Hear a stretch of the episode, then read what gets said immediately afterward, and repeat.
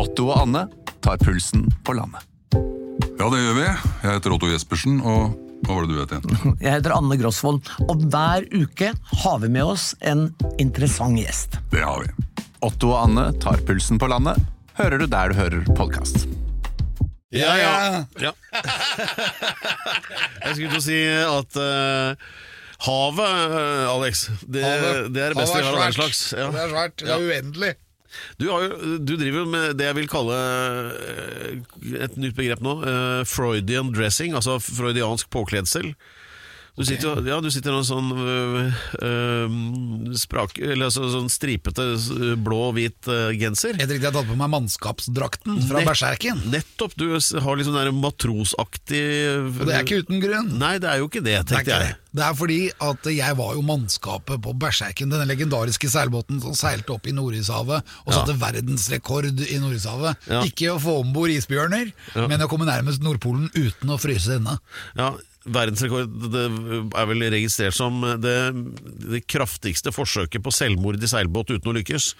Ja, noen vil vel påstå det, men jeg må jo si at det var trygt, fordi vi kunne jo seile alle mann. da. Ja, Men vi Eh, hadde en eh, dieselmaskin fra 60-tallet. ja og den, den starta jo innimellom òg. Ja, og den rygga bare båten. Hva mener du? Ja, den hadde jo en feil i transmisjonsoverføringen, altså giret i, eh, i, i seilbåtene. Så, Så- det var umulig å få den til å gå forover. Den ville jo bare gå bakover. Oh, ja. Så vi hadde jo problemer, rett og slett. Ja. For at det er jo dumt å begynne å seile baklengs til Nordpolen. ja, Det er sånn jeg føler det liksom sjelelig innimellom, så var det en god metafor. Ja. ja, men det er jo, så det var veldig viktig å få dette reparert. da Men det var jo en eh, billig båt, den kosta 30 000. Ja. Og målet var å sette da verdensrekord eh, med Berserken. Ja. Og jeg hadde da øh, jobben som styrmann og sailingmaster, på en måte. Jeg hadde ansvaret for seilene. Var du ikke kokk? Kokk var jeg også, Ja. så jeg var jo, hadde jo masse forskjellige oppgaver da om bord i den. Og nå har jeg tatt på meg den gamle russiske uniformen Ja. som Sånn- vi kjøpte i Russland. Sånn stripete genser. Sånn, sånn, enten så er du sånn øh, fange i sånn chain gang fra 30-tallet som USA, eller så er du sånn mannskapsmatros. Ja, ja, og det er, det er se- se- seilegenser. Ja, ja, så det blir sånn hei og hå med flaskerom, og det er jo ikke helt uten grunn. Nei, fordi, vi var jo i, i Russland, og da blir det ikke hei og hå en flaske rom, det blir hei og hå en flaske vodka. Ja, men hei og hå en palm med vodka mer der, da. Ja, vi var jo der. Ja. Jeg vet dere kjøpte 1500 liter på ett sted. Ja, det kosta jo 20 øre flaska, så da fant vi alle ut at det var billig. Hvor lenge varte de 1500 literne? De varte faktisk helt til vi kom hjem, og i flere år etterpå. Nei, det er ikke sant. Jo, de gjorde det. Ja, det er ålreit, da. 1500 liter er mye. Ja, eh, men mest, ja, ålreit. Eh, Vi kan komme tilbake til det. Også, Du tror at vi drakk det opp en uke der oppe? Ja, men en god del av det i hvert fall. Men, eh, men jeg vet jo også at det er betalingsmiddel nedover i, Russland nå. Ja, det er det. Ja. Eh, Russere er veldig glad i vodka, og har du et par flasker, så får du lov til det meste. Ja, så, eh, Men eh, grunnen til at vi tar opp dette med berserk, det er jo Ja, det er ikke uten grunn at vi gjør det. Nei, det er fordi at eh, vi har en eminent gjest. Ja. Som eh, har gjort seg bemerket ikke bare ved å være eventyrer, men også kringkastingssjef, spritprodusent, eh, partileder og, og agitator og eh, Jeg vet ikke helt hvor jeg skal Han er på alle baner. Ja. Eh, så hvor skal dette stoppe? Ikke, ikke her, i hvert fall. Nei, det er, dette programmet har akkurat begynt, Ja. og jeg, kan love dere eh, I dag kommer kapteinen, Ja. eller som David sa, Little Boy Captain. Ja, det blir Sjørøver spesial. Alex Rosén Show. En podkast fra Radio Rock. Wake up call! Ja, Det er et helt usedvanlig vanlig maritimt Alex Rosén-show i dag, som alle forsto da. Og da skal Jeg tror de fleste har gjetta det, altså. Men allikevel, på med paljettjakka over matrosdressen, Alex, og foreta en høytidelig innkalling. Vær så god. Han er festivalsjef, kringkastingssjef, kaptein. Han har vokst opp i Afrika, Larvik og Ullern. Han var 19 år da han seilte fra Norge til Sydpolen, hvor han sammen med dyrenes konge kommuniserte med et sjøkur. Han har verdensrekord i Nordishavet i å seile nærmest Nordpolen. Han har seilt Nordvestpassasjen og gjennom Russland. Han har åpnet egen TV-kanal, Go Alive TV, hvor alle Berserk-seriene ligger. Nå er han aktuell med ny TV-serie om veteraner og krigsseilere fra andre verdenskrig. I tillegg er han partileder i partiet Folkevett, og han har statsministerambisjoner. Mine damer og herrer, ta imot Jarle Andøy! Ja, ja, takk, takk. Det var jo litt av intro, Alex. Ser du at jeg har tatt på meg matrosdressen? Ja, ja, Du er tilbake om bord, det er mannskap, du nå. Ja, du, Du mangler jo bare den svarte regnfrakken. Ja, ja, jeg trenger bare dressen, jeg. Og sånn uh, sydvest, så er jeg klar. Kapteinen er alltid klar. Jeg er alltid klar. Men uh, Little Boy Captain skal bli Little Boy Prime Minister nå. Nei, altså, jeg har jo uh, aldri sagt at jeg skal bli statsminister, men jeg har lyst til å du- du make a change. Jeg har lyst til å make a change. Jeg mener at vi nå lever i en tid som forskjellssamfunnet blir større og større. Det blir større og større polarisering mellom blokkene øh, venstre-høyresiden. øh, og tiden er moden for å tenke nytt, gjøre mer tverrpolitiske løsninger og gjøre en better change sammen. Uh, og jeg vil jo si at uh, den sittende regjering har egentlig feilet i sitt prosjekt, fordi at uh, de har ikke klart å effektivisere Norge. Det sammen med å være i en pandemi som gjør at flere og flere mister jobbene, eh, og ikke være på lag med flertallet i Stortinget og skape flere arbeidsplasser, det er eh, veldig trist, og det er egentlig ødeleggende for de kommende generasjoner. Og det trenger eh, unge folk å vekkes ved, for det er de som må betale regninga. Herregud, det var rett på sånn 17. mai-tallet, dette her. Ja, Eh, det er helt riktig. Jeg er ikke her for å bare snakke skrøner i dag. Nei, jo, jo, det er mest av sjørøver. Nei, men vi skal, ta, vi skal ta gjennom alt dette her også. Poenget, bare for eventuelt nye lyttere, så er det jo sånn at eh, seilbåten Berserk, som de aller fleste kjenner til, som har vært både her og der og gjort seg bemerket alle steder den har vært, har jo f.eks. herværende Alex da vært mannskap og kokk og vann og ikke her, om bord sammen med Jarle. Så de har en forhistorie med farvet med både slåsskamper i Russland og hva det nå er for alt sammen, eh, som vi skal få høre mer om. Men eh, Det er mer enn It's more to the story enn det, altså. Ja, ja. Kom ikke her og si at vi har vært i. Russland, vi har knytta vennskapsbånd. Ja. Ja, ja. Knyttet never og knyttet vennskapsbånd. Men eh, i hvert fall, nå først skal vi gratulere deg, Jarle. Fordi eh, du har jo kjempet en utrettelig kamp for krigsseilerne, altså disse som eh, var eh, i den norske handelsflåten under krigen og gjorde en ganske betydelig innsats. Og opplevde mye ja, vi får si negativt, altså torpederinger og, og forlis, eh, men aldri har fått noe anerkjennelse fra Norge eh, på tross av viktigheten av innsatsen sin. Og dette har du liksom kjempa for i jeg vet ikke hvor lenge? 20 Jeg år? begynte aktivt i 2010. Da begynte jeg som en sånn flue i teltet å stikke på forsvarsminister, statsminister og kongehus. Ja. Eh, og siden det så har det vært en lang seilas for å få nå endelig regjeringen til å hedre våre siste ukjente helter. Ja, fordi altså, Grunnen til at vi sier gratulerer nå, det er jo at eh, nå fikk du høl på byllen akkurat denne uka. Er ikke det riktig? Jo. Ikke for lenge siden. I går Ja. eh, så bekreftet forsvarsminister at eh, regjeringen skal nå invitere de siste gjenlevende krigsseilerne fra andre verdenskrig. De skal løftes til en eh, hyllestmarkering eh, snart, eh, og, og det er eh, eh, 76 år på overtid, men en veldig viktig markering eh, og, og seremoni i den eh, mørkeste delen av norsk krigshistorie. Vi klapper for- vi Gratulerer! klapper for det. Gratulerer! Takk for det, takk for det. Dette her var vel på høy tid? Det var på høy tid, og det er ikke bare jeg som har jobbet med dette her. Det er mange gode krefter som har gjort det. Eh, Erik Bye var den første. Wenche Foss. Eh, eh, Leif Svalesen, eh, Jon Michelet. Det er mange som har gått en lang kamp for krigsseilerne, men det at det nå endelig kommer en offisiell markering av Norge, det er kjempeviktig for å anerkjenne 40 000 menn og kvinner sin krigsinnsats i den norske handelsflåten. Vi, vi, vi må takke dem for at vi, vi vant krigen til slutt. Ja, hadde det ikke vært for den norske handelsflåten, så hadde vi snakka tysk. Eh, og det skal jo sies det at eh, etter at Dunkerque falt, da Tyskland hadde erobret Europa, så var demokratiets siste skanse, det var på en øy, altså England. Hadde det ikke vært for da at de hadde skip til å forsyne dem med ammunisjon, våpen og mat, så hadde tyskerne hatt en walkover og vunnet hele Europa. Ja, Så det var de norske gutta om bord i handelsskipene som sto for. Ja, det, og det må da presisere at den norske handelsflåten var en stor del av det, men The Merchant Marines, både fra Engel, England og USA, etter hvert som de kom med i krigen, alle deres eh, innsats sammen gjorde jo at uh, de siste Freedom Fighters hadde muligheten til å kjempe mot uh, den tyske overmakten. Ja. Så er det sånn at Den store helten fra annen verdenskrig, altså Winston Churchill, han har nevnt Norge bare én gang. og Det var jo da han sa det at vi hadde aldri vunnet The Battle of Britain uten de norske eh, krigsseilerne, eller altså den norske handelsflåten.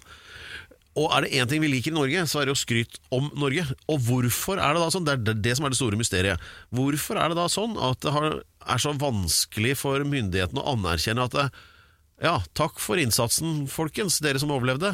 Hvorfor sitter den så langt inne? Det er helt umulig å skjønne. Det er helt uforståelig. Det tok eh, Norge 68 år å gjøre en beklagelse som kom eh, på et eh, privat arrangement, Trebåtfestivalen i Risør, nærmest som en overraskelse. Eh, og da beklagelsen kom, så var det en anerkjennelse av uretten mot krigsseilerne. Men etter det, i 2013, så har det altså aldri vært en offentlig, offisiell seremoni med kongen, statsoverhodet, som personlig takker og, og forsoner båndene mellom offisielle Norge og krigsseilerne. Men de må jo være ganske gamle nå. Ja, de er slutten av 90-årene, tidlig 100-årene. Eh, og det er her eh, nå Erna Solberg to ganger har avlyst uh, denne markeringen pga. Av, covid-19. Eh, og det er, sånn som det er nå, bare sjøsprøyt. Fordi at disse gutta er fullvaksinerte, og tiden går raskt. Altså tiden renner ut for krigshelter som er altså i slutten av 90-åra, tidlig, tidlig 100-åra. Ja, for Selv om du holder to meter mellom dem, så blir det ikke mer enn 50 meter. Nei. Nei. Og det er jo sånn om de 100 gjenværende veteranene som er totalt igjen fra andre verdenskrig, eller om det er de 20 krigsseilerne som inviteres til Kongens slott, så er det veldig god plass der inne til å hedre de, takke og gi dem en skikkelig hyllest. Ja. Sånn at det å sammenblande det med at eh, vi ikke har lov til det pga. C19, det er sprøyt. Pedro, det er, det er din skyld, siden du er programleder. Ja, det er det mm, nyskurte Alex Rosén-show, og vi har besøk av selveste Jarle Andhøy, som har altså klart, da, eh, etter sju tiår Ja, nå har ikke han levd i sju tiår, da, men kampen har vart i sju tiår om å få til en anerkjennelse av de norske krigsseilerne. Og mm, ja, det gikk høl på byllen, da, altså, som vi hørte, eh, denne uka. Og jeg syns det er litt morsomt, Jarle, å se litt, så litt på korrespondansen som du har hatt da med Forsvarsdepartementet og statsministerens kontor her. Hvis jeg får lov å sitere en mail fra 5. mai, som bare er noen dager siden, da. Det er, det er noe med måten å snakke på, skjønner du, Alex. Du skriver da mail til disse. Hei igjen, FD og SMK. Det er altså da Forsvarsdepartementet og Statsministerens kontor. Jeg viser til dagens intetsigende mail fra Forsvarsdepartementet. og så kommer det. Tråkker til. Ja, ja, ja. Fyre begge løpa fra hofta, ikke sant? Eh, Og, det, og sånn går det videre, da. Det er vel Er det det som har gjort det? At eh, det er, det er nesten sånn underliggende trussel om juling her? For, for Nei, altså jeg kjører jo frem det rasjonelle artilleriet. Ja. Eh, vi snakket litt om det i sted, Alex og jeg, om eh, nå har grensen nådd. Eh, dette partiet Folkevettet, som jeg har startet fordi at jeg er lei av politisk tomprat, det er så enkelt som det at eh, nå er vi lei av skjemavelde. Heretter er det klokskap og rasjonale som skal gjelde. Og det er litt sånn at eh, nå har jeg holdt på i ti år for å få eh, to regjeringer til å gjøre en innsats mot krigsseilerne, strekke ut neven, takke for innsatsen, gi de æresmedaljer og sin velfortjente plass i norgeshistorien, istedenfor at de bare applauderer det og sier ja, selvfølgelig skal vi det, så har de ti år brukt på bare sånn sideveisargumentasjon for ikke å gjøre det. Ja. Da jeg begynte med det, så var det 500 krigsseilere igjen. Nå er det 19. Ja. Og det er klart at når jeg da 8. mai, 76 år etter krigen, to ganger har Erna Solberg avlyst denne minnesmarkeringen, da er det klart at eh, da tar jeg frem artilleriet. For det er ikke noe mer tid å miste. Men du må jo 19 mann er igjen. 19, ja. Men du må jo forstå at eh, de må jo ha noe å holde på med for å opprettholde byråkratiet også. Det er jo arbeidsplassene så mange, så de må ha noe å drive med. Ja, men der er eh, folkets eh, tålmodighet eh, nådd. Ja. Man skal huske på at her er det 30 000-40 000 mennesker som sto i krigen for Norge i fem år. Fem år levde de gjennom krigshelvete. Eh, og så står altså Norges regjering og sier at vi kan ikke samle disse her til en middag pga. covid-19. Altså Sett den risikoen der i perspektiv. Disse her er fullvaksinerte. De seilte gjennom krigen, flyangrep, ubåtangrep. Og så står eh, Erna Solberg og sier at vi kan ikke samle 19 mennesker til en middag. Det er ikke ras- rasjonale i det, vet du. Det er bare tull. Det er bare tull. Og det er ikke å skyte fra hofta. Det er cold facts. Men du brenner for det her. Ja, så er det klart det er brenner for det her. Jeg har jo filma disse krigsseilerne nå i, i 10 år, øh, og, eller 20 år. Begynte- For 20 år siden begynte jeg å fange historiene til den første krigsseileren. Uh, og gjennom den reisen så har jeg blitt mer og mer kjent med disse krigsseilernes historie. De blir jo venner, og det, sånn, det blir en nær relasjon etter at du er hjemme hos folk og blir kjent med livshistorien. Og da er det klart at når du da ser bare at myndighetene snur ryggen til og later som de ikke ser dem, uh, så er det Det er helt uforståelig, og det er veldig kritikk, kritikkverdig. Det Det er det. er dette en serie som kommer, eller? Jeg holder på å lage tidenes største krigsseilerserie eh, i internasjonalt format. Det kommer, men det tar tid, fordi at eh, andre verdenskrig er et eh, langt lerret å bleke hvis du skal gjøre det ordentlig. Krigsseilerne de kunne altså seile da i kortesjer fra USA, hvor de flytta masse Konvoi. krigs, konvoier, ja, og flyttet masse krigsmateriell, ikke bare til England, men til Russland også. Og det kunne gå ut 60 skip, og det var tre som kom fram. Ja. Det var eh, PQ-17, der, eh, der var det jo verste konvoien. Der var det jo 17 av 60 et eller annet som, som, som ble senket. Så det er klart at eh, når du da hører om krigsseilerne som står der og er på skipet, så er det jo et eh, eh, helvete for de som blir senket på havet. Men dette her har et mye større eh, perspektiv, som jeg prøver å fange på film. Eh, og det er jo nemlig det at når det står eh, sivile på østfronten mot en overlegen tysk armé, som har alt av krigsutstyr, de har forberedt seg i mange år, mens østfronten står med sivile som ikke har noe våpen i det hele tatt, så er det sånn at når 60 skip blir senket fulle av våpen, så står de der fortsatt uten disse våpnene. Og det er klart at når da krigsseilerne mobiliserte, og det kom nye skip, selv om 60 ble senket, så kom det etter hvert nye skip med eh, ammunisjon og, og krigsmateriell. Levert til Russland. Og da, da kommer payday. Fordi at materiellet til å krige med for å få friheten tilbake, kom. Ja, hadde du- ikke hatt det, så hadde det jo vært Hadde Og Norge, Norge- Norge hadde en svær rolle her. Norge hadde en helt sentral rolle her, og ingen forstår hvor viktig denne rollen var. Fordi at eh, hadde det ikke vært for våre krigsseilere, så hadde ikke forsyningene kommet frem der hvor nøden var størst. Og det er jo særlig østfronten som eh, 27 millioner russere eh, ble drept, eh, og også The Battle of Britain, som er helt sentralt for de allierte seier eh, under andre verdenskrig.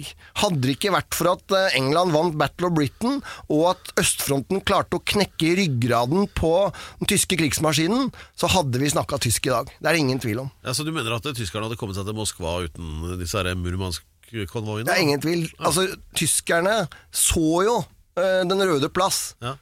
Altså, styrkene kom helt frem til eh, Moskvas porter. Ja. Eh, og da hadde de De gjorde samme feilen som Napoleon, at de gikk inn til Russland eh, mot kong Winter. Ja. Men likevel så er det et veldig sammensatt bilde her for at Russland kunne slå tilbake.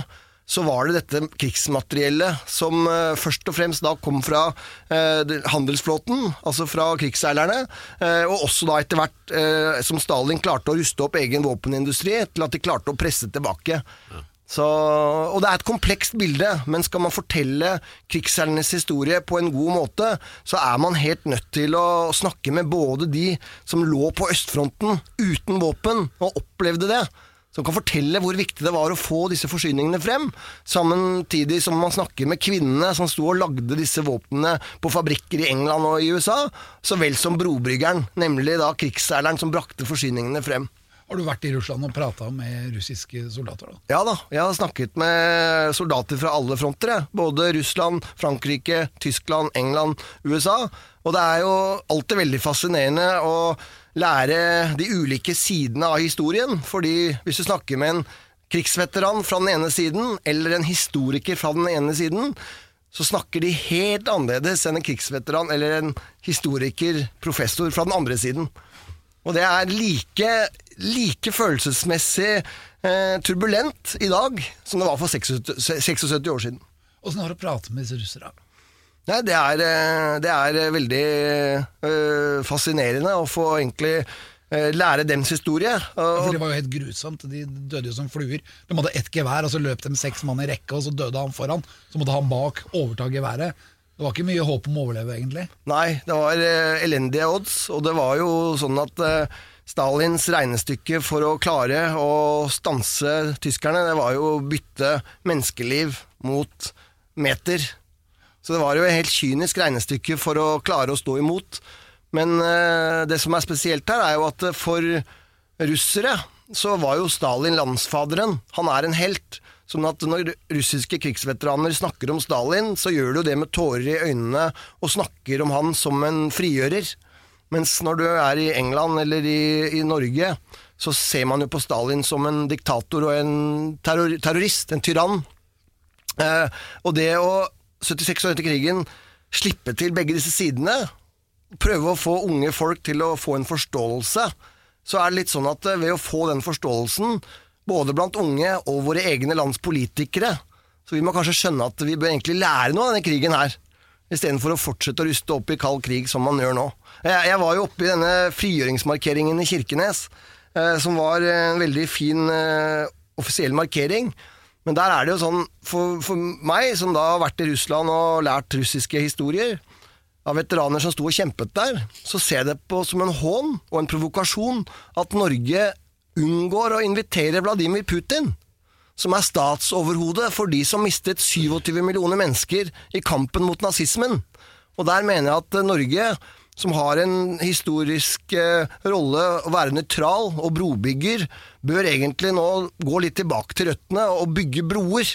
Istedenfor å fortsette egentlig det som jeg mener er en økt polarisering mellom øst og vest. Istedenfor å slippe inn amerikanske atomubåter. Nei, altså det er hårfin balanse her, for man skal jo eh, opprettholde sikkerhetsstrukturen, men det er likevel sånn at eh, når man markerer en fred og en seier mot eh, fascismen, så må man hedre alle som deltok. Og det å unnlate å invitere lederen for de som ofret 27 millioner mennesker for vår frihet, det mener jeg er barnslig. Man må heve seg over det og samle disse her og, og, og, og vise anerkjennelse og respekt. Og det er på den måten at man også kan vende blikket fremover og bygge broer og samarbeide, istedenfor å stå på hver sin side. Så nå har, nå har du i hvert fall fått gjennom at krigsseilerne skal få sin anerkjennelse, så neste på lista er Putin, da skjønner jeg. Nei, altså jeg eh, mener jo Jo, det men at det er eh, jo- det er ikke bare Putin, det her er eh, forhold til partiet Folkevett. Så må vi tenke svært. Vi må Ja. gjøre nødvendige endringer i samfunnet, i både sikkerhetspolitikk og uh, fordelingspolitikk. Men uh, det er et annet spørsmål. Herlig. Alex Rosén Show podkast. Ja, det er eh, Alex Rosénshow og med fanfare. Eh, og vi har besøk av eh, Jarle Andøy. Og ja, Alex, du som har vært på seilbåt i månedsvis, og vel så det holdt jeg på å si, med, med Jarle på Berserk. Hørte, var det mye prat om krigsseilere da dere seilte rundt? Ja, det var det. Og det var fordi at vi var opptatt av historien. Vi var veldig opptatt av å lage en historie rundt der vi skulle. Vi seilte jo bare på historisk grunn, egentlig.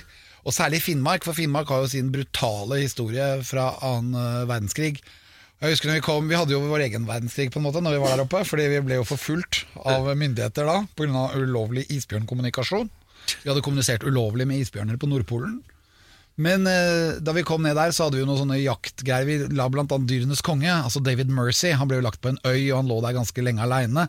Før vi måtte justere båten, og så dro vi videre. Ja, hva- og da seilte vi. Ble, ble han lagt på en øy? Hvorfor det? Skal vi videre til krigsseilas her nå, eller Ja, vi skal, vi holde oss uh, i dyrenes kongeverden? Ja, nei, men eh, Det er litt om historien om hvorfor vi var der. Ja. Og så seilte vi da ut derfra, forbi Skogerøya og over Holmen Gråfjorden, og kommer da til grense Jakobselv, som er Norges grense til Russland. Der møtte vi en kar. Han hadde jury. vært jury, ja. Og han hadde vært Han var russer, faktisk, og han nektet å dra tilbake til Russland. Fordi han var redd for hvordan det skulle gå med han hvis han kom til Russland. Det var ikke alle krigsveteraner som ble tatt så godt vare på, men han fortalte noen helt sinnssyke historier. Det er vi frem til, det er at det her føler jeg at det er litt av den spiken du fikk med krigsveteraner og sånn, den kom kanskje rundt det øyeblikket der.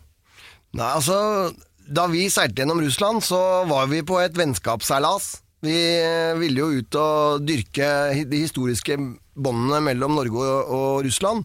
Og det er jo litt sånn at når du kommer inn til Murmansk eller til Arkangelsk, så er det jo Altså, overalt hvor du ser, så ser du jo minner fra andre verdenskrig. Eh, Så det, det er jo sånn du, du kan fysisk se der hvor våre helter har vært. Eh, og, og russerne de er jo veldig flinke til å eh, løfte disse minnene og ta de med seg.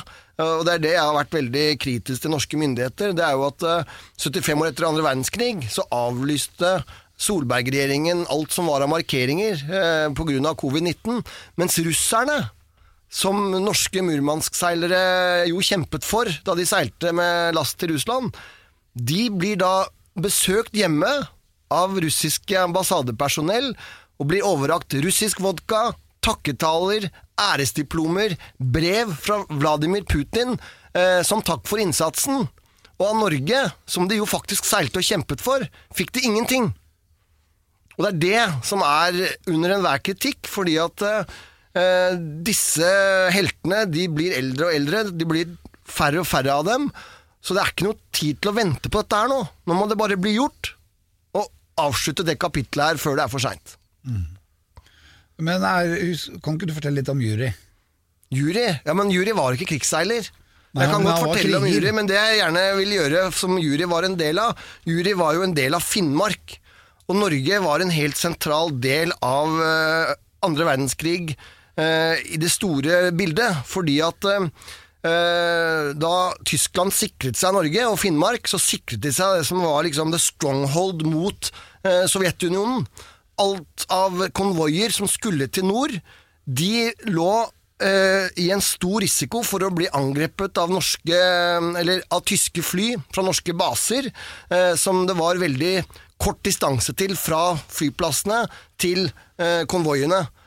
Og det for norske krigsseilere å vite at nå skal dere seile Murmansk-konvoi, det var som å vite at nå skal du inn through the seven gates of hell Mellom Norge og Bjørnøya. Mellom Norge og Bjørnøya, det var flaskehalsen. Så, så av etterretningen og at uh, de ville jo ikke at uh, fienden skulle vite hvor uh, de skulle seile, så var det alltid slik at når man var i havn, så var det full taushet om hvor man reiste. Men idet man seilte ut, da kom beskjeden at vi skal dit.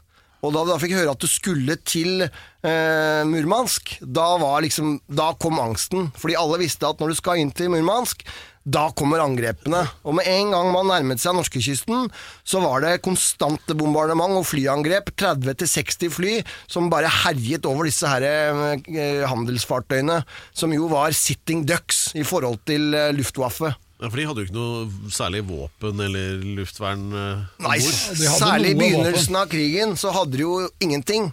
For da var jo ikke Norge forberedt. Da var man jo nøytrale, gjorde handel med begge sider. Men etter hvert som man ble en del av den allierte krigsinnsatsen, så kom det jo ammunisjon og, og skyttere om bord. Ja. Så det var jo det som var spesielt med disse krigsherrene. Det var at de var jo egentlig bare lykkesøkere. De var jo Altså, de ville ut, tjene penger, eh, søke lykken. Og plutselig, på grunn av 9. april, så snudde alt.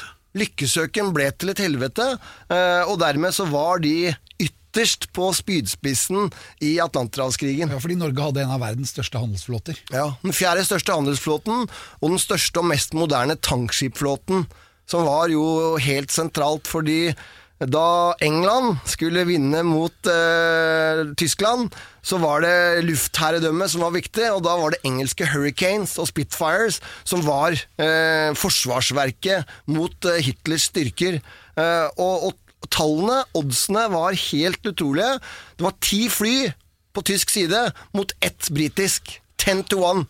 Og likevel så klarte da engelskmennene, Royal Air Force, i The Battle of Britain å holde stand.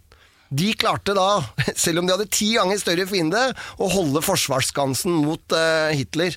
Noe som er helt utrolig, og det hadde vært helt umulig hvis ikke blant annet norske krigsseilere var de som seilte da fuelen fra US og Canada til å holde disse her eh, flyene i lufta. Hvor skal denne takken holdes? Det bør være på Kongens slott, på den rødeste løperen av de alle, med æresgard og full salutt. Men eh, jeg dikterer ingenting i forhold til eh, hvordan det skal skje. Men det jeg gjør, er at jeg har gjentatte ganger på vegne av partiet Folkevett Ja, for det ditt parti. krevet at ditt eh, nå må regjering og kongehus ta tak, løfte dette her, slik at de siste gjenlevende tidsvitnene kan ta imot denne hederen og forsoningen som jo behøves. Og det skal sies det at eh, Norge har en historie ved å gjøre feil eh, fra tidligere, og det er jo en eksempel som ikke er til etterfølgelse, men det er jo at F.eks. Norges behandling av jødene under andre verdenskrig, det er jo en skamplett i så måte at det, det var jo norsk politi som faktisk samlet og deporterte de norske jødene. Og da Norge endelig anerkjente den feilen og beklaget at Norge hadde vært med på denne deportasjonen av jødene til konsentrasjonsleirene, da var det ett tidsvitne igjen. Det var én igjen av 550-600 jøder som var deportert. Og det er sånn Hvorfor skulle det ta så lang tid? Hvorfor kunne de ikke anerkjent og gjort dette her tidligere? For man visste jo at dette her hadde, hadde skjedd. Uh, og det er der jeg mener at det er bedre at det er én i live enn ingen. Fordi vedkommende er som en ambassadør for en generasjon. Han er et symbol på den feilen som man aldri må gjøre igjen. Og dette her gjelder også forhold til krigsseilerne. Fordi at de ble ikke deportert eller skal sammenlignes med jødene, men de uh, sto i krigens front i fem år. Ble sviktet da de kom hjem. Arbeiderpartiregjeringen stjal eh, lønningene deres. Eh, og mange av disse er døde av fattigdom og elendighet. Traumer. Eh, og dette her, det har ligget i historien latent. Og så tar det altså 68 år før man får en beklagelse på en gressplen på et privat arrangement. Og så har det tatt 76 år før nå regjeringen dunker til og skal hedre disse her. Ja, jeg fikk lyst til å spørre om hvordan Arbeiderpartiet rappa lønningene, men eh, vi får komme tilbake til det om litt. Ja, nå er det altså ja, krigsseilerspesial, og uh, Jarle og jeg er gjest her i Alex Rosénshow. Og for litt siden så hørte du si, sier altså at etter krigen så rappa Arbeiderpartiet lønningene til uh, krigsseilerne. Hva, Oi. Var det ikke det du sa? Eller, Det høres jo ikke bra ut. Hva, hva mener du med det? Nei, Det er et komplisert bilde, men uh, da norske handelsflåten uh, ble satt i tjeneste for Norge, så var sjøfolkene tvunget til å redusere hyra. For de skulle ikke tjene mer enn engelskmenn og amerikanske sjøfolk. Aha. Eh, og da var kompensasjonen at eh, norske sjøfolk skulle få utbetalt en krigsbonus etter krigen. Okay. Eh, slik at da de seilte gjennom fem år, så var det sånn at de bygget opp en bonus, en reserve, som alle gledet seg til de kom hjem. Alle gleder seg til å komme hjem til et fritt Norge, og den røde løper, Ja. eh, og krigsbonusen sin, som Ja. de hadde spart opp. Det som skjedde da krigsherrene kom hjem, var at det var aldri noen rød løper. Nei. Og de forventede pengene, de ble slettet med et pennestrøk av Arbeiderpartiet. Hva ble de brukt til, da? De ble brukt, brukt til å gjenoppbygge landet. Eh, og hva enn eh, Arbeiderpartiet valgte å gjøre med de penga Poenget er at for de enkeltmenneskene som hadde stått i krigen, og tenkt at de pengene kommer, vi kan stole på at Norge utbetaler disse For dem så ble jo dette her et stort nederlag, fordi at eh, de eh, kom hjem til ikke noe annet enn ingenting og knuste drømmer. Ja, ok, Så når, når nå denne middagen omsider skal holdes forhåpentligvis på Slottet, så bør Harald grave dypt i barskapet og finne fram den dyreste whiskyen, syns jeg. Eller konjakken. Ja, kanskje. og jeg tror at eh, kongen selv har en eh, personlig interesse av å, å møte de siste krigsseilerne. Eh, Det skal jo sies det at da Norge ble angrepet, og konge og regjering selv flyktet, så gjorde krigsseilerne det stikk motsatte av det Quisling-regjeringen og Adolf Hitler beordret handelsflåten til. For de beordret nemlig handelsflåten til å seile inn til tyskvennlig havn og gå i tysk tjeneste. Samtlige mer enn 1000 norske skip i utenriksfart seilte inn til alliert havn. Ja. Altså til engelsk eller til amerikansk eh, havn. Og de ble da, fordi at de var et veldig viktig verktøy for eh, å seile, og som en økonomisk motor, så ble de egentlig verktøyet til eksilregjeringen for å generere penger til å drive motstandskamp. Så jeg tror at kongen selv har en personlig interesse i å takke disse krigsseilerne og gjøre en skikkelig markering for de nå helt på slutten av eh, et liv for denne generasjonen. Ja, Fantastisk. Ja, nei, det jo, igjen så er det det rare er hva var problemet med å bare ta den med en gang? Eller hvorfor vente så lenge? Det er pussige greier, altså. Det er veldig rart. Og det som er En ting er jo at uh, dette her er lenge siden. Så det er jo ikke slik at vår regjering skal tillempes noe ansvar for det som skjedde av Arbeiderpartiregjering og tidligere regjeringer. Men det som dagens regjering og konge har en helt unik mulighet til, er jo å sette et verdig punktum, en avslutning på denne triste historien. Og det har vært gjort i ulike forsøk ulike steder ulike ganger, men nå er det altså definitivt siste mulighet til å gjøre dette her eh, mens det er noen i live. Ja. Og igjen så fikk du gjennomslag for da, eller jeg sier du ja, men eh, det er kanskje dere, for det er jo kanskje flere også, men uh, at uh, den uh, nåværende regjeringen har sagt ja, nå skal vi kjøre det arrangementet. Ja. Hva Når- gjør du hvis du plutselig får høre at de har ombestemt seg? Nei, vi gjør ikke det likevel. Hva gjør du da? Nei, det, da vil jeg jo ta opp kampen igjen. Eh, men jeg har ingen tro på at eh, de kommer til å gjøre det, fordi nå er det såpass sterke krefter, altså hele det norske folk, eh, og også innad i regjeringen, så er det såpass sterke krefter for å få til dette her. Så, så, så det at Norge skal snu på dette nå, det, det, det ses som helt u, u, u, uaktuelt. Det Er kommer aldri til å skje. dato, eller? Nei, det er, det er nevnt august, men det som er helt sikkert, er at det haster uansett. Altså, det, jeg vet at det skal begraves en krigsseiler i morgen, eh, som nå har crossed the bar. eh, slik at det er ikke noe tid nå til å vente. Covid eller andre dårlige unnskyldninger er ikke noe unnskyldning for ikke å samle de krigsseilerne som nå ønsker å delta i en sånn hedersseremoni. Eh, og disse gutta her, de har jo seilt for Norge i fem og seks år. Eh, og de er voksne nok til å selv ta det valget om de ønsker å delta på et arrangement i pandemiens tid, eller ikke. Altså, I denne anledning har du lagd et politisk parti. Ja, jeg eh, har jo i ti år prøvd å eh, få frem dette budskapet, slik at Norge må gjøre en hedersmarkering for krigsseilerne. Den gang var det 500 igjen. Eh, og i fjor, nettopp fordi at ikke det har blitt noe action og noe gjennomføring av dette her fra Norges side, så etablerte jeg et parti som heter Folkevettet. Eh, fordi jeg mener at nå, i pandemiens tid, så er det mange endringer eh, som bør gjøres i Norge AS. Eh, og det vi skal gjøre i Folkevettet, er å egentlig bli et talerør eh, for alle de sakene som blir feid under teppet, og som ingen andre partier setter øverst på dagsorden. Det skal Folkevettet gjøre.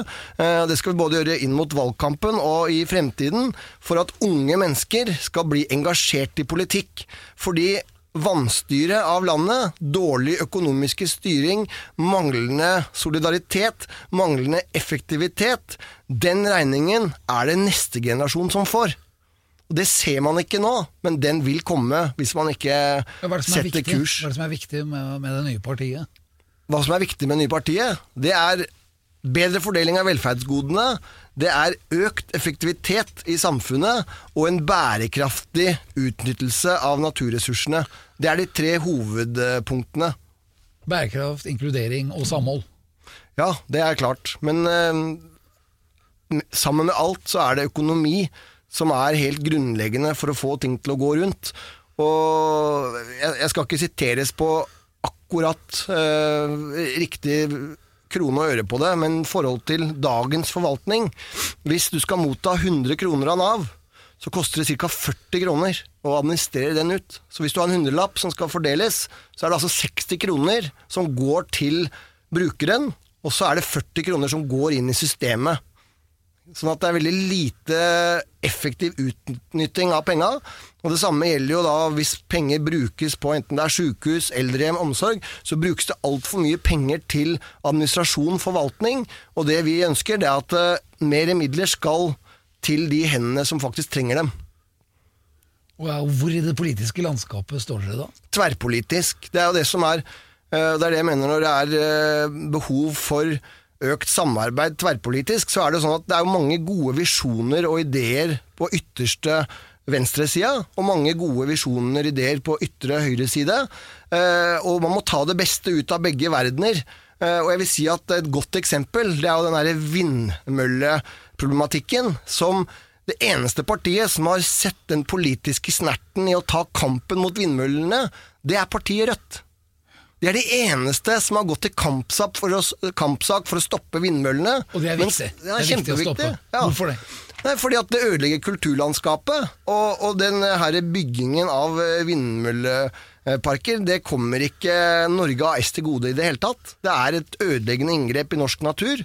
Og det gjør man i et uh, energiregnestykke som myndighetene selv har pålagt seg ved at man skal forsyne oljenæringen med kraft fra land. Så istedenfor at oljenæringen kan gjøre som tidligere, at de kan forsyne seg med selvdreven kraft med olje og gass som utvinnes ute i havet, så skal nå altså fastlandet forsyne kraftnæringen med det de kaller miljøvennlig strøm.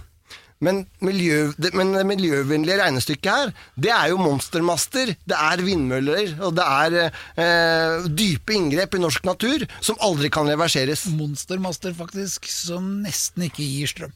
Ikke i det hele tatt. Og det kommer ikke folket til gode i Norge. Det som skjer, er at kraften eksporteres. Eh, slik at eh, sluttregnestykket for disse her elendige vedtakene som er gjort, det er det de vi som får. Hvorfor har vi fått de Vi får konsekvensene av det. ja, Men hvorfor får vi monstermaster? Hva er greia med det? Nei, Det er jo det jeg sier. Det er jo fordi at man har gjort dårlige vedtak, at man skal forsyne eh, oljenæringen med strøm fra fastlandet. Så må jo dette her eh, føre, kraften må føres ut til, eh, til stedene hvor det behøves. Og da trengs monstermaster og dype kabler i fjordene for at uh, kraften kan komme til, til eh, olje- og gassnæringen. For bare én turbin i vannkraft Én turbin i vannkraft gir like mye som 100 000 monstermaster. Ja, og, og det viktige her, det er jo at eh, når eh, Norge har muligheten til å bruke vannkraft, og egentlig bare effektivisere eksisterende vannkraftverk og øke kapasiteten med 40% så er det klart at det å da eh, skattlegge vannkraftverk samtidig som man eh, gir vindkraft null skatt, det skaper en eh, skjevhet i eh, hva som er fordelsmessig å, å, å utnytte, som eh, Norge ikke bør gjøre, fordi begge deler er miljøvennlig. Ja. Nå øh, dette er altså uh, Alex Rosénshow, det er øh, Politisk kvarter. Og Ja, Vi må jo ta litt tak her. var Vi trenger endring, folkens. Ja. Da er det bare å stemme på folkevettet og få ting til å skje. ja, litt sånn ensidig sånn inn i valgkampen 2021 her. Ja, men Få 2021 vekk de Men, monstermastene! og, Ja, Ta naturlandskapet tilbake. han der Alex er ikke helt uinteressert i det temaet der. Nei, jeg, han, jeg, jeg, Se på Haramsøya utafor Ålesund. Helt ødelagt. Den Ja. legendeøya. Det er helt tragisk. ja. Få tak i han Don Quijote, han kjemper mot sånne vindmøller, har jeg hørt. Eh, Men øh, mer om politikk om litt. Alex Rosén Show. En podkast fra Radio Rock. Vi er i gang. det, er, det er Alex Rosén Show, det kan vi se av de lange iskremkøene. Og uh, vi har besøk av uh, Jarle Andøy. Og uh, nå var det jo da litt sånn kraftpolitikk spesial her, med vindmøller som bare er tull, visstnok. Og det har jeg hørt også, det regner jeg med at stemmer, da.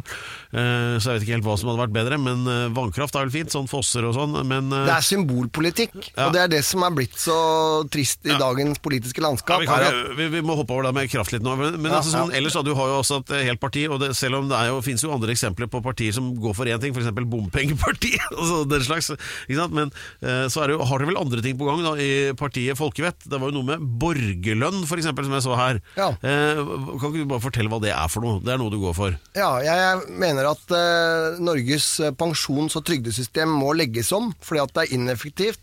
Og dagens uh, utbetalingsrate det gjør at uh, oljefondet er tomt i løpet av uh, ca. 2030-årene.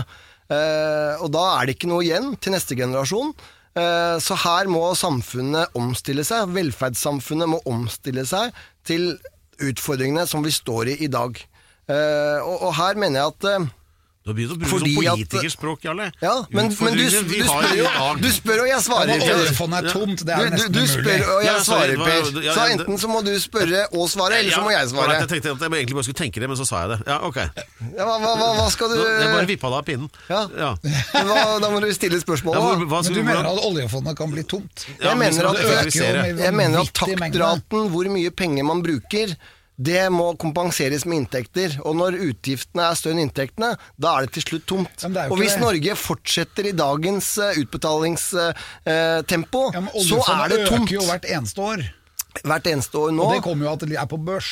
Ja, men det holder ikke i forhold til at eh, hvis du ser på utgiftene som, som Norge har nå, eh, sammenlignet med inntektene som kommer, så er det en ekstremt stor eh, utgift, trygde- og pensjonssystemet. Og det mener jeg må legges om til borgerlønn. Nå skal jeg svare på spørsmålet Ja, ja, ditt, ja, uten at flere dere driver og jabber i her. Eh, og det er at eh, man setter et eh, helt enkelt system hvor alle, enten du er Jørgen Hattemaker eller eh, en skomaker eller, eh, Eller en knekt, ja, eller det, alle får en lik utbetaling. Som er en lav utbetaling i forhold til hvis du er utenfor arbeidsmarkedet, men den skal være god og dekke dine basic behov, og det skal være lønnsomt å jobbe.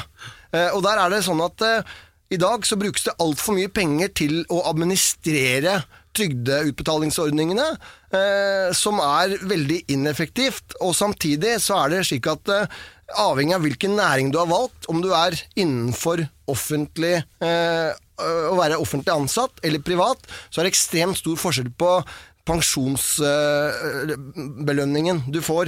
Eh, og, denne her pensjonsadelen, altså folk som kan pensjonere seg eh, i det offentlige fra de er ca. 52 år og oppover, og samtidig tjene full lønn i det private, mens andre må stå i det og jobbe til de er eh, 62 eller 67, det er klart at eh, det er ikke bærekraftig, og det skaper større skjevheter i samfunnet enn det man behøver. Og dette her er enkle ting å, å, å legge om hvis viljen er til stede.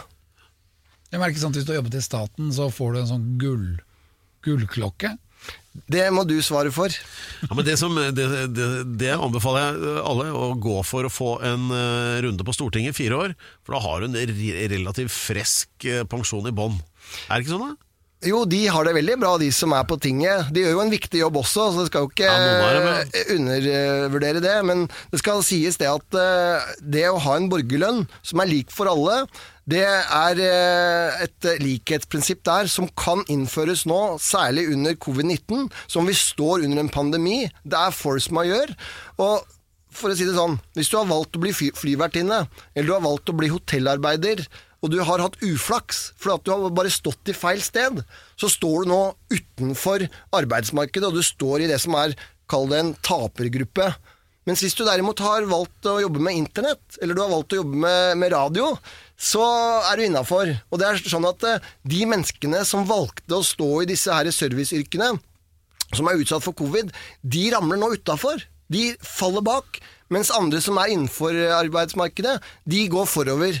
Og hvis man ikke gjør noe aktivt for å da stoppe denne utviklingen, så blir det et større skjevhetssamfunnet, hvor de som har bare ved tilfeldigheter valgt feil før denne pandemien, eh, vil eh, skape et større forskjellssamfunn som på sikt gjør at de blir tapere, for de ramler bak Men hvis du får borgerlønn, så behøver du egentlig ikke å jobbe. i en periode. Det skal jo være sånn at Et samfunn skal jo selvfølgelig eh, sørge for at eh, folk, flest mulig mennesker kommer i arbeid. Så vi må lage et eh, borgerlønnssystem som gjør at eh, folk ønsker å jobbe, for de ønsker å tjene mer. Men det som er, hvis du da ramler utafor, så skal du heller ikke stå i en sånn eh, fornedrigende arbeidsledighetskø hvor du bare møter på skjemavelde på skjemavelde på skjemavelde. For det kan gjøres veldig enkelt. Du får like mye som alle andre. Da kan ikke folk drive og krangle om at han får mer enn meg, han får mer enn meg. Eh, som, som lager lite byråkrati, lite administrasjon, gjør små kostnader til systemet og mer penger til de som trenger det. Men er, er folk liksom solidarisk nok, da, uh, som personer til å, at det her skal funke, det du skisserer der? Jeg er helt klar på det at uh, Norge har over lengre tid prøvd å gjøre en omstilling av uh, pensjons- og trygdesystemet, men det har gått for langsomt.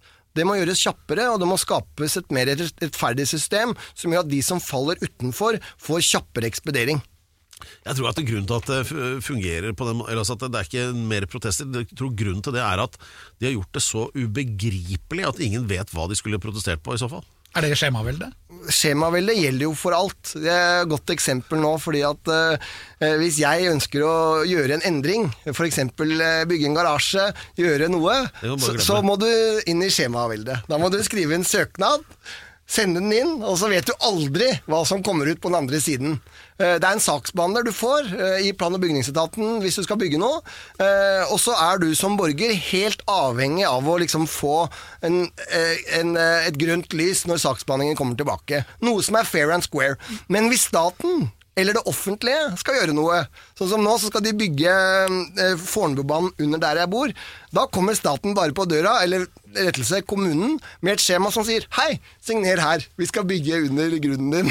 Og, og, og her står det at du er enig, signer. ja, det står bare du er enig, signer her. Det er ikke noe saksbehandling der. Der er det bare bukk og nei, gjør som vi vil. Ja. Uh, og der er jeg veldig tydelig på det at uh, etter hvert som samfunnet nå har skridet frem de siste 20 årene, digitaliseringens tid har kommet, så har det blitt mer og mer skjemavelde. Mindre og mindre sånn rasjonale og praktisk saksbehandling. Det er bare sånn Du går inn i et digitalt spor, og så vet du ikke hva som kommer ut på den andre siden.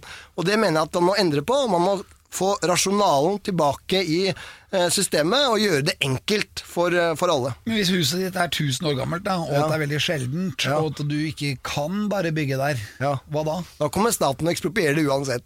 Blir det museum. 1000 år gammelt hus, det er jo nesten som vikingskipene, det. Ja. De trenger jo det. De trenger jo nytt hus ute på bygdene. Ja, Da blir det bare plukka ja, fra men de må, de må ta vare på det. Ja, selvfølgelig. Og da må du ha et skjema som gjør at du på en måte tar vare på det. Ja, ja, det er kjempebra. Bare da ikke bygg en T-bane og lag T-banestasjon der. Gjennom vikingskipa. Åh, jeg blir helt sliten av den Ja, nå er det på tide med en øl. Ja, det er det.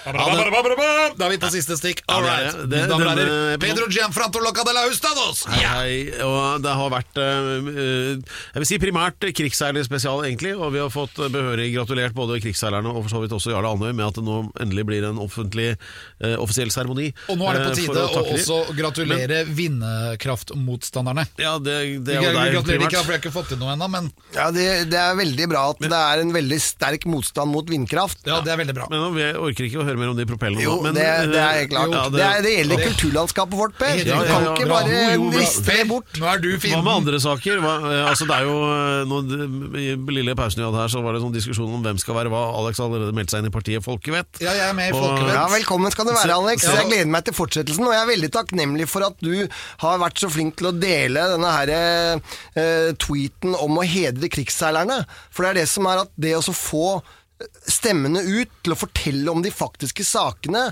det er en kjempejobb i dagens eh, demokrati. Mer og mer blir sånn copy-paste-politikk og journalistikk, slik at folk bare pøser ut intetsigende meninger. Men det at folk tar til orde, får ut de viktige budskapene, slik at folk får oppmerksomhet om de viktige tingene, det, det er jeg veldig takknemlig for at du har tatt tak i. Men Kurt, men en ting til jeg har lyst til å ta tak i, det er å stoppe de vindmøllene. Ja, det må vi gjøre fortere enn svint. Det er på Folkevetts partiprogram å stanse all eh, vindkraft, og selvfølgelig gjeninnføre tilbake til naturlandskapet, slik at eh, neste generasjoner kan nyte denne her urørte norske naturen. Veldig bra, veldig bra, Jarle. Og jeg, hva, jeg har lyst til å bli politiker, jeg også. Ja. Og da har jeg lyst til å få, havne på den hvite listen, som folk kan stemme på. Så jeg kan stå der, og så kan det stå sånn at du, statsminister Jarl Andøy, og så kan det stå på meg uh, energi, energi- og kulturminister. Alex Rosén. Ja. Energi og kultur. Ja. Og alt som har med hav å gjøre. Altså at det blir liksom olje- og koljeminister. Nei, vannkraft. Ja. Det gir faktisk enormt med energi. Ja. Men og alt dette kan vi prate om, Jarle, sånn at jeg vet hva jeg skal si. Nei, altså jeg syns det er veldig viktig at du bare tar opp tematikken. Ja, og det er sånn at eh, det er mange måter å gjøre politikk på. det er viktig at vi går samme vei, hvis du skjønner. I det er helt partiet. klart. Ja, ja, det er helt Så ikke jeg sier ting som du er helt uenig i. Ja, ja. Ja, men det alt går på fornuften, så er det fornuftig i øyeblikket, så er det partipolitikk. Ja. Men, uh, og- Folkevett. Jeg liker Ja. begrepet folkevett. Men er ikke- fordi er ikke det litt farlig? flere og flere folk de, de, de føler seg at de, det er en avmakt i politikken uh, og i byråkratiet, fordi at uh, de møter bare på skjemavelde. Ikke sant? Folk mister troen på systemet fordi at det er ikke rasjonelt lenger det de holder på med. Altså For å komme fra A til B så må du ofte gjennom tre, fire, fem, seks, ti skjemaer før du kanskje kommer dit du skal. Eller så har ideen din eller det du ønsker å få oppnådd, det har blitt endret underveis. Eh, og, og jeg syns at dette vindkrafteksempelet er et veldig godt eksempel. For hvis du spør en politiker nå hvem har egentlig ansvaret for vindkraften? Hvem har egentlig ansvaret for monstermastene som står ute i norsk naturlandskap? Det er ingen politiker som vil vedkjenne seg det ansvaret. Så det er ingen å ta. Nei, det er ingen som tar ansvaret, og man kan ikke knagge ansvaret på én person som faktisk tok det valget. Og jeg har mer respekt for en person som tar et valg som er et dårlig valg, og, og tar konsekvensen av det, enn de som gjemmer seg bak systemet og bare ser en annen vei. Mener du at det er korrupsjon? Altså det, det, korrupsjon kan du bruke på mange måter, men det jeg er veldig for, det er at eh, alle i samfunnet, enten du er politiker eller knekt, eh, så skal du ta, du skal stå rakrygget i det du gjør. Eh, og det er veldig lett å skylde på systemet og pulverisere ansvar når du er saksbehandler i byråkratiet. Eh, og der har jeg mange eksempler, bl.a. med min far. Han, han trodde han skulle få hjelp av norsk helsevesen for å å bytte en nyre. Jeg gikk til sykehuset og hadde faktisk troen på norsk helsevesen. Eh, og så viste det seg da at han fikk aldri hjelp. Han fikk aldri en legeoppfølging på eh, åtte måneder, som han ba om hjelp, eh, og det tok livet hans. Det vi fikk i posten etterpå, det var en beklagelse fra Ullevål sykehus og fylkesmannen om at faderen hadde vært utsatt for en systemsvikt. Vel, det hjalp ikke faderens liv. Hans siste vers, det var pga. en såkalt systemsvikt, og det mener jeg det er en det er et mangel på ansvar som vi må forbedre i Norge. Da. På, ikke bare i helsevesenet, men i eh, alle, alle etater og departement. Høres ut som jeg må sette av en hel ettermiddag til å ordne opp i alt dette her. Hele ettermiddag, det høres ut som et helt liv. Det høres som Ansvarspulverisering, det er noe som eh, man må ha vekk. Og det jeg liker med dette her med, som egentlig ble etablert under Bill Clinton eh, Jeg liker ikke politikken, men jeg liker begrepet hans, hvor han, hvor han, hvor han eh, lagde en altfor streng lov, eh, hvor han sa det at hvis du har gjort noe kriminelt tre ganger, så er det three strikes and you're out. Da er det fengsel for livet. Ja, det er Jeg- derfor de har flere er millioner, uenig, i Jeg er helt borte. uenig i den politikken. Eh, Jeg syns ikke det er en god politikk, men jeg liker det konseptet at du må stå til ansvar for det du gjør. Og Det samme mener jeg med politikere eller byråkrater. Hvis du sier noe, eller du lover noe, eller du lyver om noe i politikken, så får du three strikes. Og Hvis du blir tatt i løgn en tredje gang, så er det out.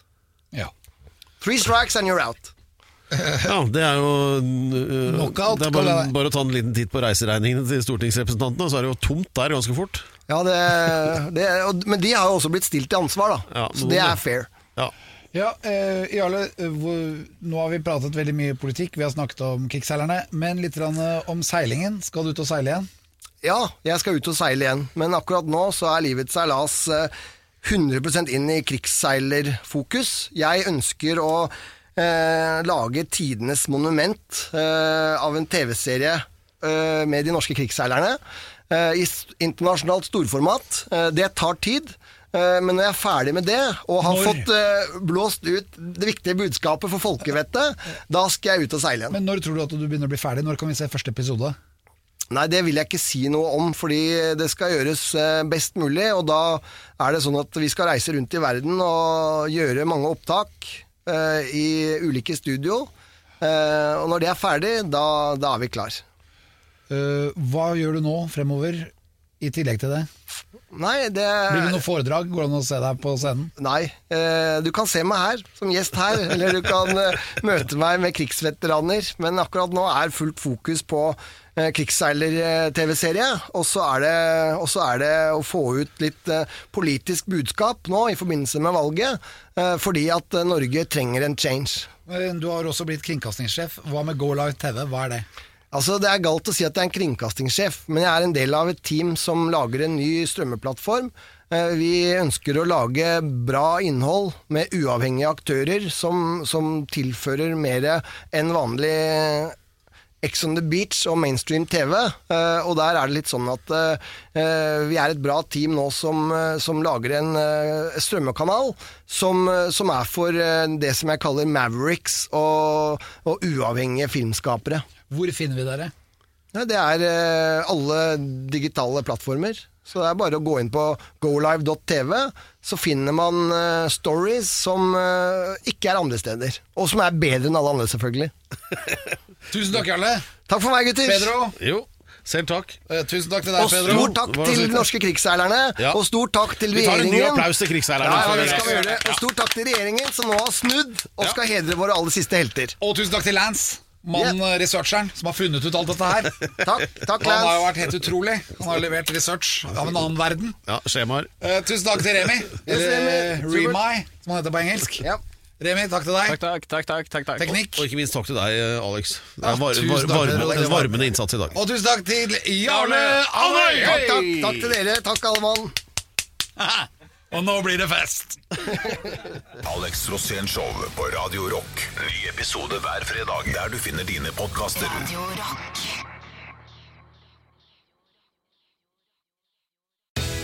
Skal du pusse opp eller bygge noe nytt? Ikke kast bort tid på å lete etter håndverkere selv. Gå inn på mittanbud.no og lag en beskrivelse av jobben du ville ha gjort. Så mottar du tilbud fra flere erfarne håndverkere som du kan sammenligne. Med mange tilbud er du sikrere på at du velger riktig bedrift, og at jobben blir skikkelig utført. Mittanbud.no få jobben gjort.